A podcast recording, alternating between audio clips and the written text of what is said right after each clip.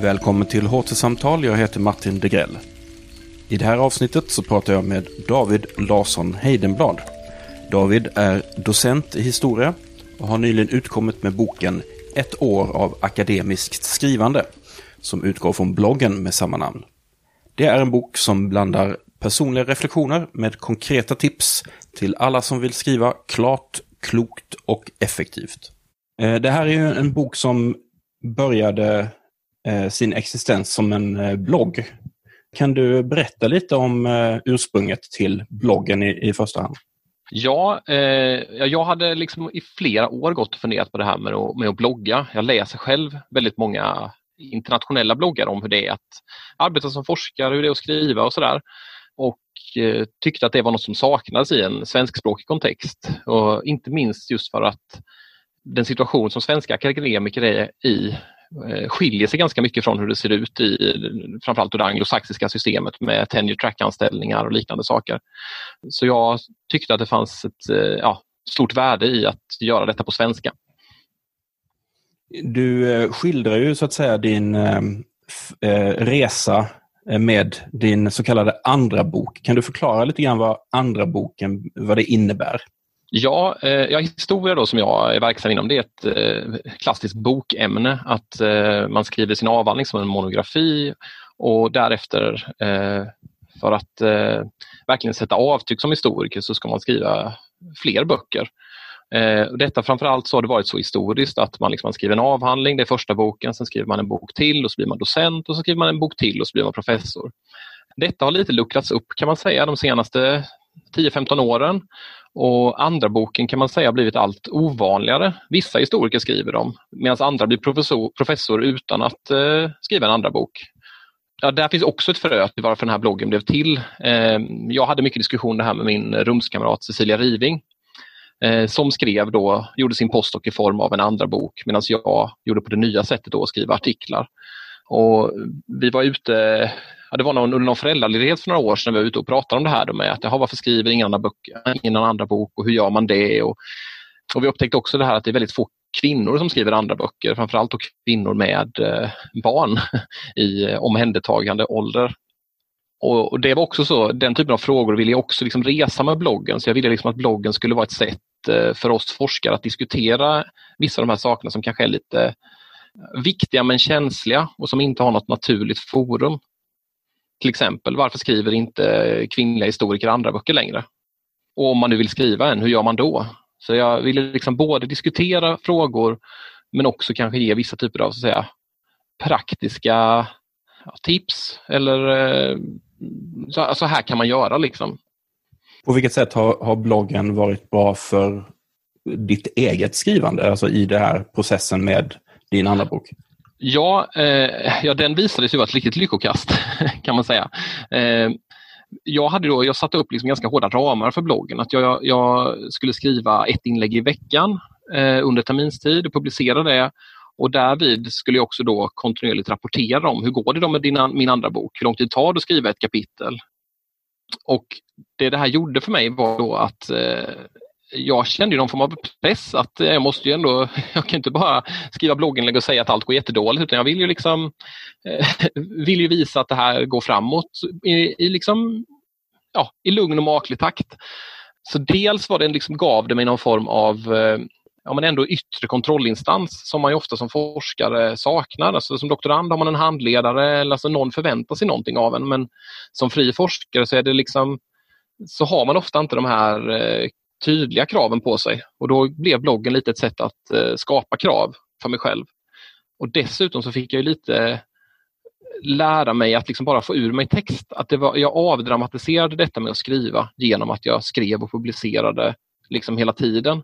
Så blev det inte så bra en vecka så gjorde det ingenting för då gav det en ny chans nästa vecka. Och eh, för mig var det väldigt värdefullt detta att liksom inse att text behöver inte vara behöver inte alltid vara så bra. Mm, det kanske finns något eh, värde i det där att avdramatisera skrivandeprocessen. Alltså du är ganska liksom, öppen med hur eh, dina tekniker och knep och fallgropar och sånt där. Och jag tänkte på det här att du beklagade ju lite grann också över att eh, avsaknaden av praktiska skrivtips inom akademin. Mm. så funderar jag på vad det beror på att det ser ut så.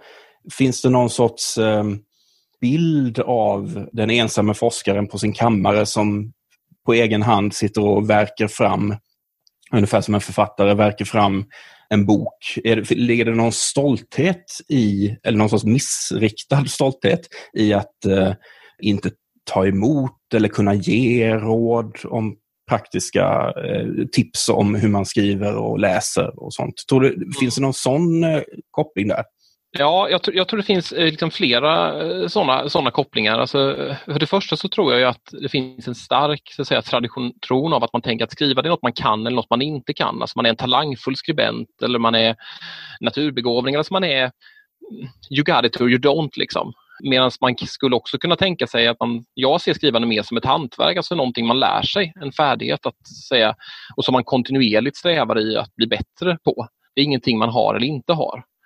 Utan det är ett sorts, jag tänker mig det nästan som ett sorts tankeredskap och som man, som man också då så att säga måste utveckla och träna som en muskel eller vad som helst. Liksom. Att den som skriver mycket blir bättre på att skriva men också då det skrivande är ju så otroligt socialt. Så skriva handlar ju om att liksom upprätta någon form av osynkron dialog med andra människor. Och för att det ska funka så måste man ju skriva och se att någon förstår det man läser eller skriver tillbaka, alltså få till de sakerna. Nej, men en annan sak som jag tror är viktigt för, för att förstå det här varför skrivande är så komplicerat det är det att eh, skriva innan man blir doktorand kan man säga. Då är det de flesta texter man skriver då skriver man liksom en gång och sen är det klart. Alltså en tenta skriver du, lämnar in, får ett betyg. En hemtenta också, du skriver en gång, får ett betyg många uppsatser är också skrivna i liksom, utan att egentligen ha fått så jättemycket läsarrespons utan de skrivs en gång, sen får de ett betyg, sen går man vidare, sen återvänder man till den texten. Men från det att man blir doktorand så kan man säga att det finns nästan ingen text man skriver bara en gång. Utan alla texter man skriver tröskas genom ett långt maskineri av kritik, eh, förbättringar, redaktörsögon etc. Liksom. Och de tar också väldigt lång tid att skriva. Så där tror jag också liksom spelet förändras från det här liksom ett skott till att eh, liksom mer karva ut under en längre tid.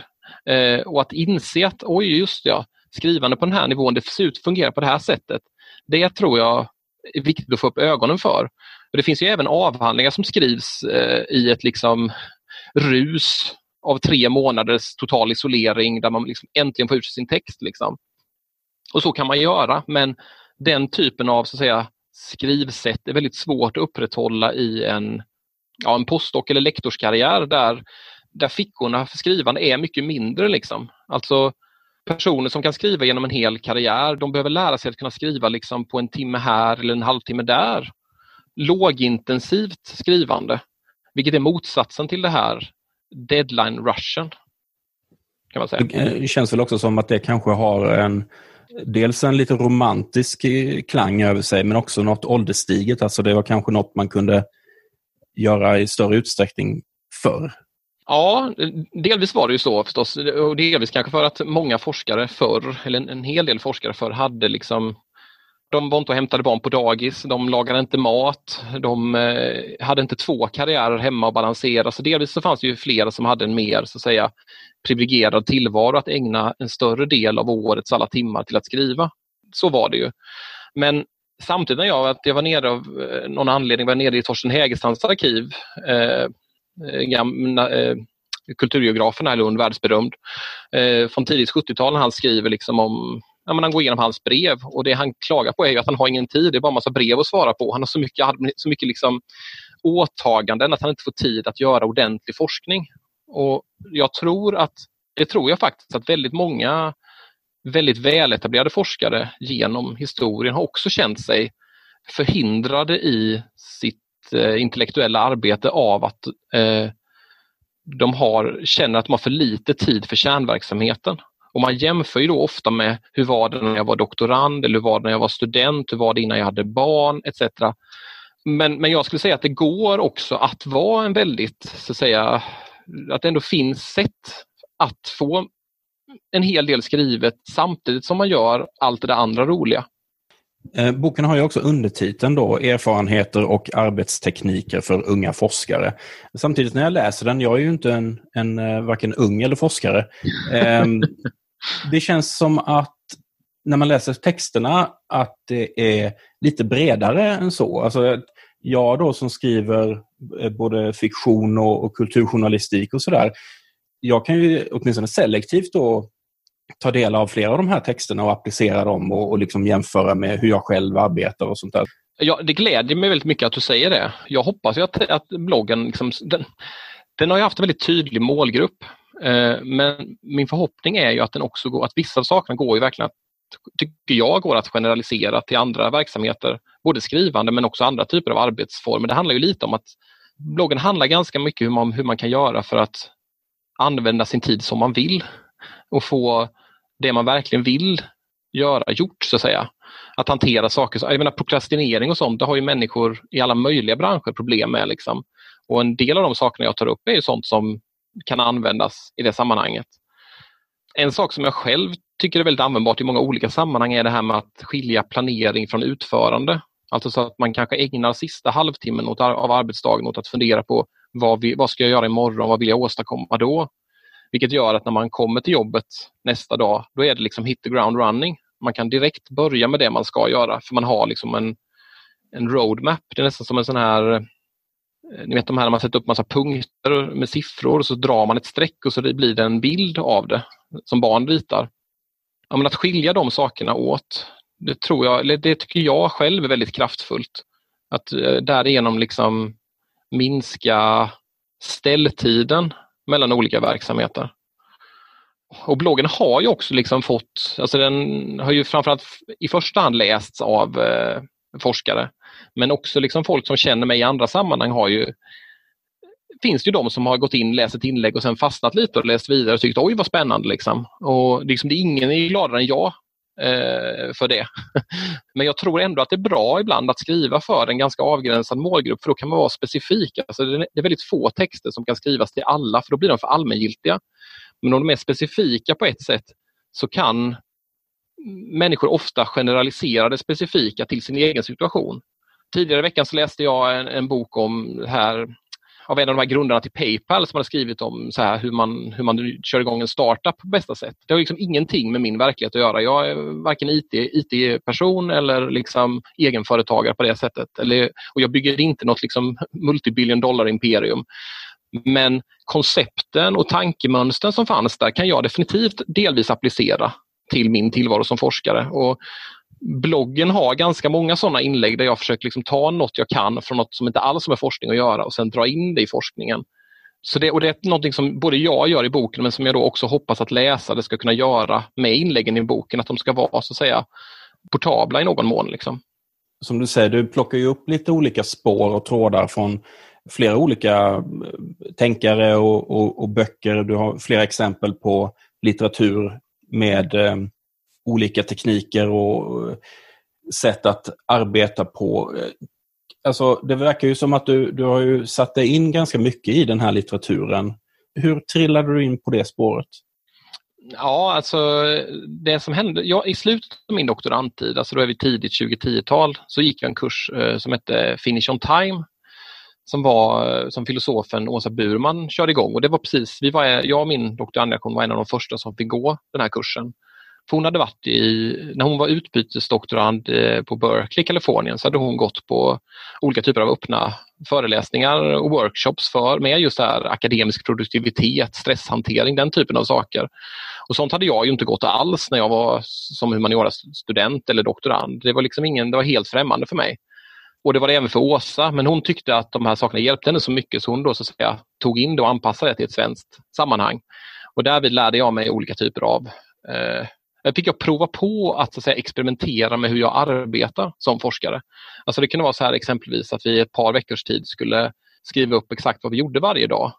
Och sen också utvärdera när på dagen fick jag mest gjort exempelvis. Och när man hade gjort det i fyra veckor då insåg man att ja, just det, här mellan 8 och 10 så är det faktiskt så att jag då får jag, skriver jag en sida men mellan två och fyra gör jag inte det, ja då kanske jag inte ska lägga några möten klockan nio. Jag kanske ska lägga dem klockan tre exempelvis. Och jag provade att göra det här med ett ganska så säga, öppet sinne, att mest liksom prova och se hur det funkar, att göra mig själv till någon slags liksom, laboratorium för hur arbetar jag bäst. så. Jag tyckte det var otroligt inspirerande och eh, häftigt och det gav också, det gjorde både att jag kände mig liksom lugnare och mer trygg i att jag rörde mig i rätt riktning men också att jag liksom saker som tidigare tagit ganska lång tid kunde nu gå ganska fort. Och jag började då, som den forskare jag är, så började jag ju nota i, okej okay, var har hon fått det här ifrån då? Och så började jag läsa de böckerna. och Sen så har det liksom bara fortsatt, det har bara snöbollat. Utan så är det med böcker, att en, en bra bok leder ju till tio nya. Liksom. Så, jag kan väl, så det, den typen av litteratur Ja, men jag tycker nästan det är roligare att läsa sånt än jag tycker det är att läsa om det jag forskar om. Liksom. jag tycker om det här att det är så praktiskt jag gillar ju humaniora, eh, så att säga, historia och humaniora delvis för att det inte alltid är så praktiskt, att det inte behöver vara så att säga, någon direkt nytta med eller någon direkt handlingsomsättning. Men jag tycker också om det konkreta. Liksom. Jag trivs i det här när jag kan kombinera de här olika värdena och sätta ihop dem och så. Ja, att det går, att det går att omsätta i, i handling och praktiskt. En utmaning med att skriva om skrivande måste ju vara att vi är så olika hur vi tänker och arbetar. Alltså att skriva från A till Ö eller hoppa mellan olika grejer. Alltså, nu, nu är ju det här en eh, väldigt personliga reflektioner kring skrivande, mm. men hur, hur förhåller du dig till den utmaningen? Det har väl delvis jag försökt göra just med det personliga som du säger. Alltså jag har försökt vara väldigt tydlig med att säga att det som funkar för mig kanske inte funkar för någon annan utan jag, jag skriver liksom det här är ett problem, det här sådär. Eh, jag brukar göra så här. Så det upplägget har jag på en del inlägg. Så att det både ska vara så säga, en diskussion kring en allmän problematik och sen så någon form av ändå, ja, men inte lösningsförslag men liksom en av många vägar. Liksom.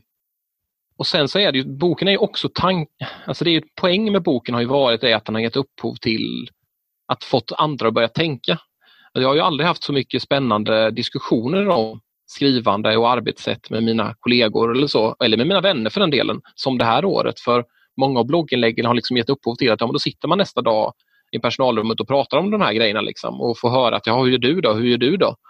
Och det ska jag säga en, en, också en del av den här då av, eh, avmystifieringen av detta att vara forskare eller att vara akademiker. Alltså någonstans visa, spela med öppna kort och spelar man själv med öppna kort eller visar några kort på sin hand så är det inte helt ovanligt att andra också vill visa sina. Och eh, Flera av inläggen har också då liksom genererat en viss typ av diskussion via sociala medier eller via bloggens kommentarsfält och de har ju gett liksom ett extra värde till boken. Och om jag får drömma så är det liksom nu när bloggen kommer som bok så, blir, är det, så, att säga, så sätter det igång ännu fler sådana diskussioner och reflektioner. Den här boken är verkligen inte tänkt som något facit men, men däremot som så att säga något som verkligen sätt, som ändå ska sätta igång reflektion och diskussion kring eh, olika frågor och saker. Vi befinner oss eh, i virustider. Vi spelar in den här eh, podden på distans från varandra. Mm. På vilket sätt har denna tid, dessa veckor, dessa månader som vi snart är inne i påverkat ditt skrivande eller hur du tänker kring skrivande? Det går väl i olika faser, det antar jag att det har gjort för många. Eh, men en av de grejerna som hände först för mig det är det att jag känner att det sociala sammanhanget är väldigt viktigt för mig som forskare. Jag liksom får mycket näring i att prata om mitt arbete och mina projekt med andra. Och det minskade ju väldigt kraftigt eh, när det här drog igång och har minskat kraftigt. Mycket av det så att säga, som ger mig energi och lust att skriva och som väcker tankar, det är ju nu borta just nu befinner jag mig heller inte i en sånt skede av min forskning där jag behöver skriva jättemycket. Men för mig i alla fall så är det väldigt, det är väldigt tydligt för mig att det optimala för mig är inte att ha oceaner av tid att skriva. Jag skriver bättre när jag har två, tre timmar på förmiddagen, sen en trevlig lunk och sen ett roligt seminarium och sen läser en bra bok och sen är jag tillbaka nästa dag igen och kör. Nu är det ju mer, nu har man ju på ett sätt, och det tror jag många upplevt, att man har Eh, i absoluta tal ibland mer tid. I alla fall folk som inte har haft väldigt, som inte haft väldigt stora undervisningsuppdrag för de har ju förstås liksom sånt exploderat för.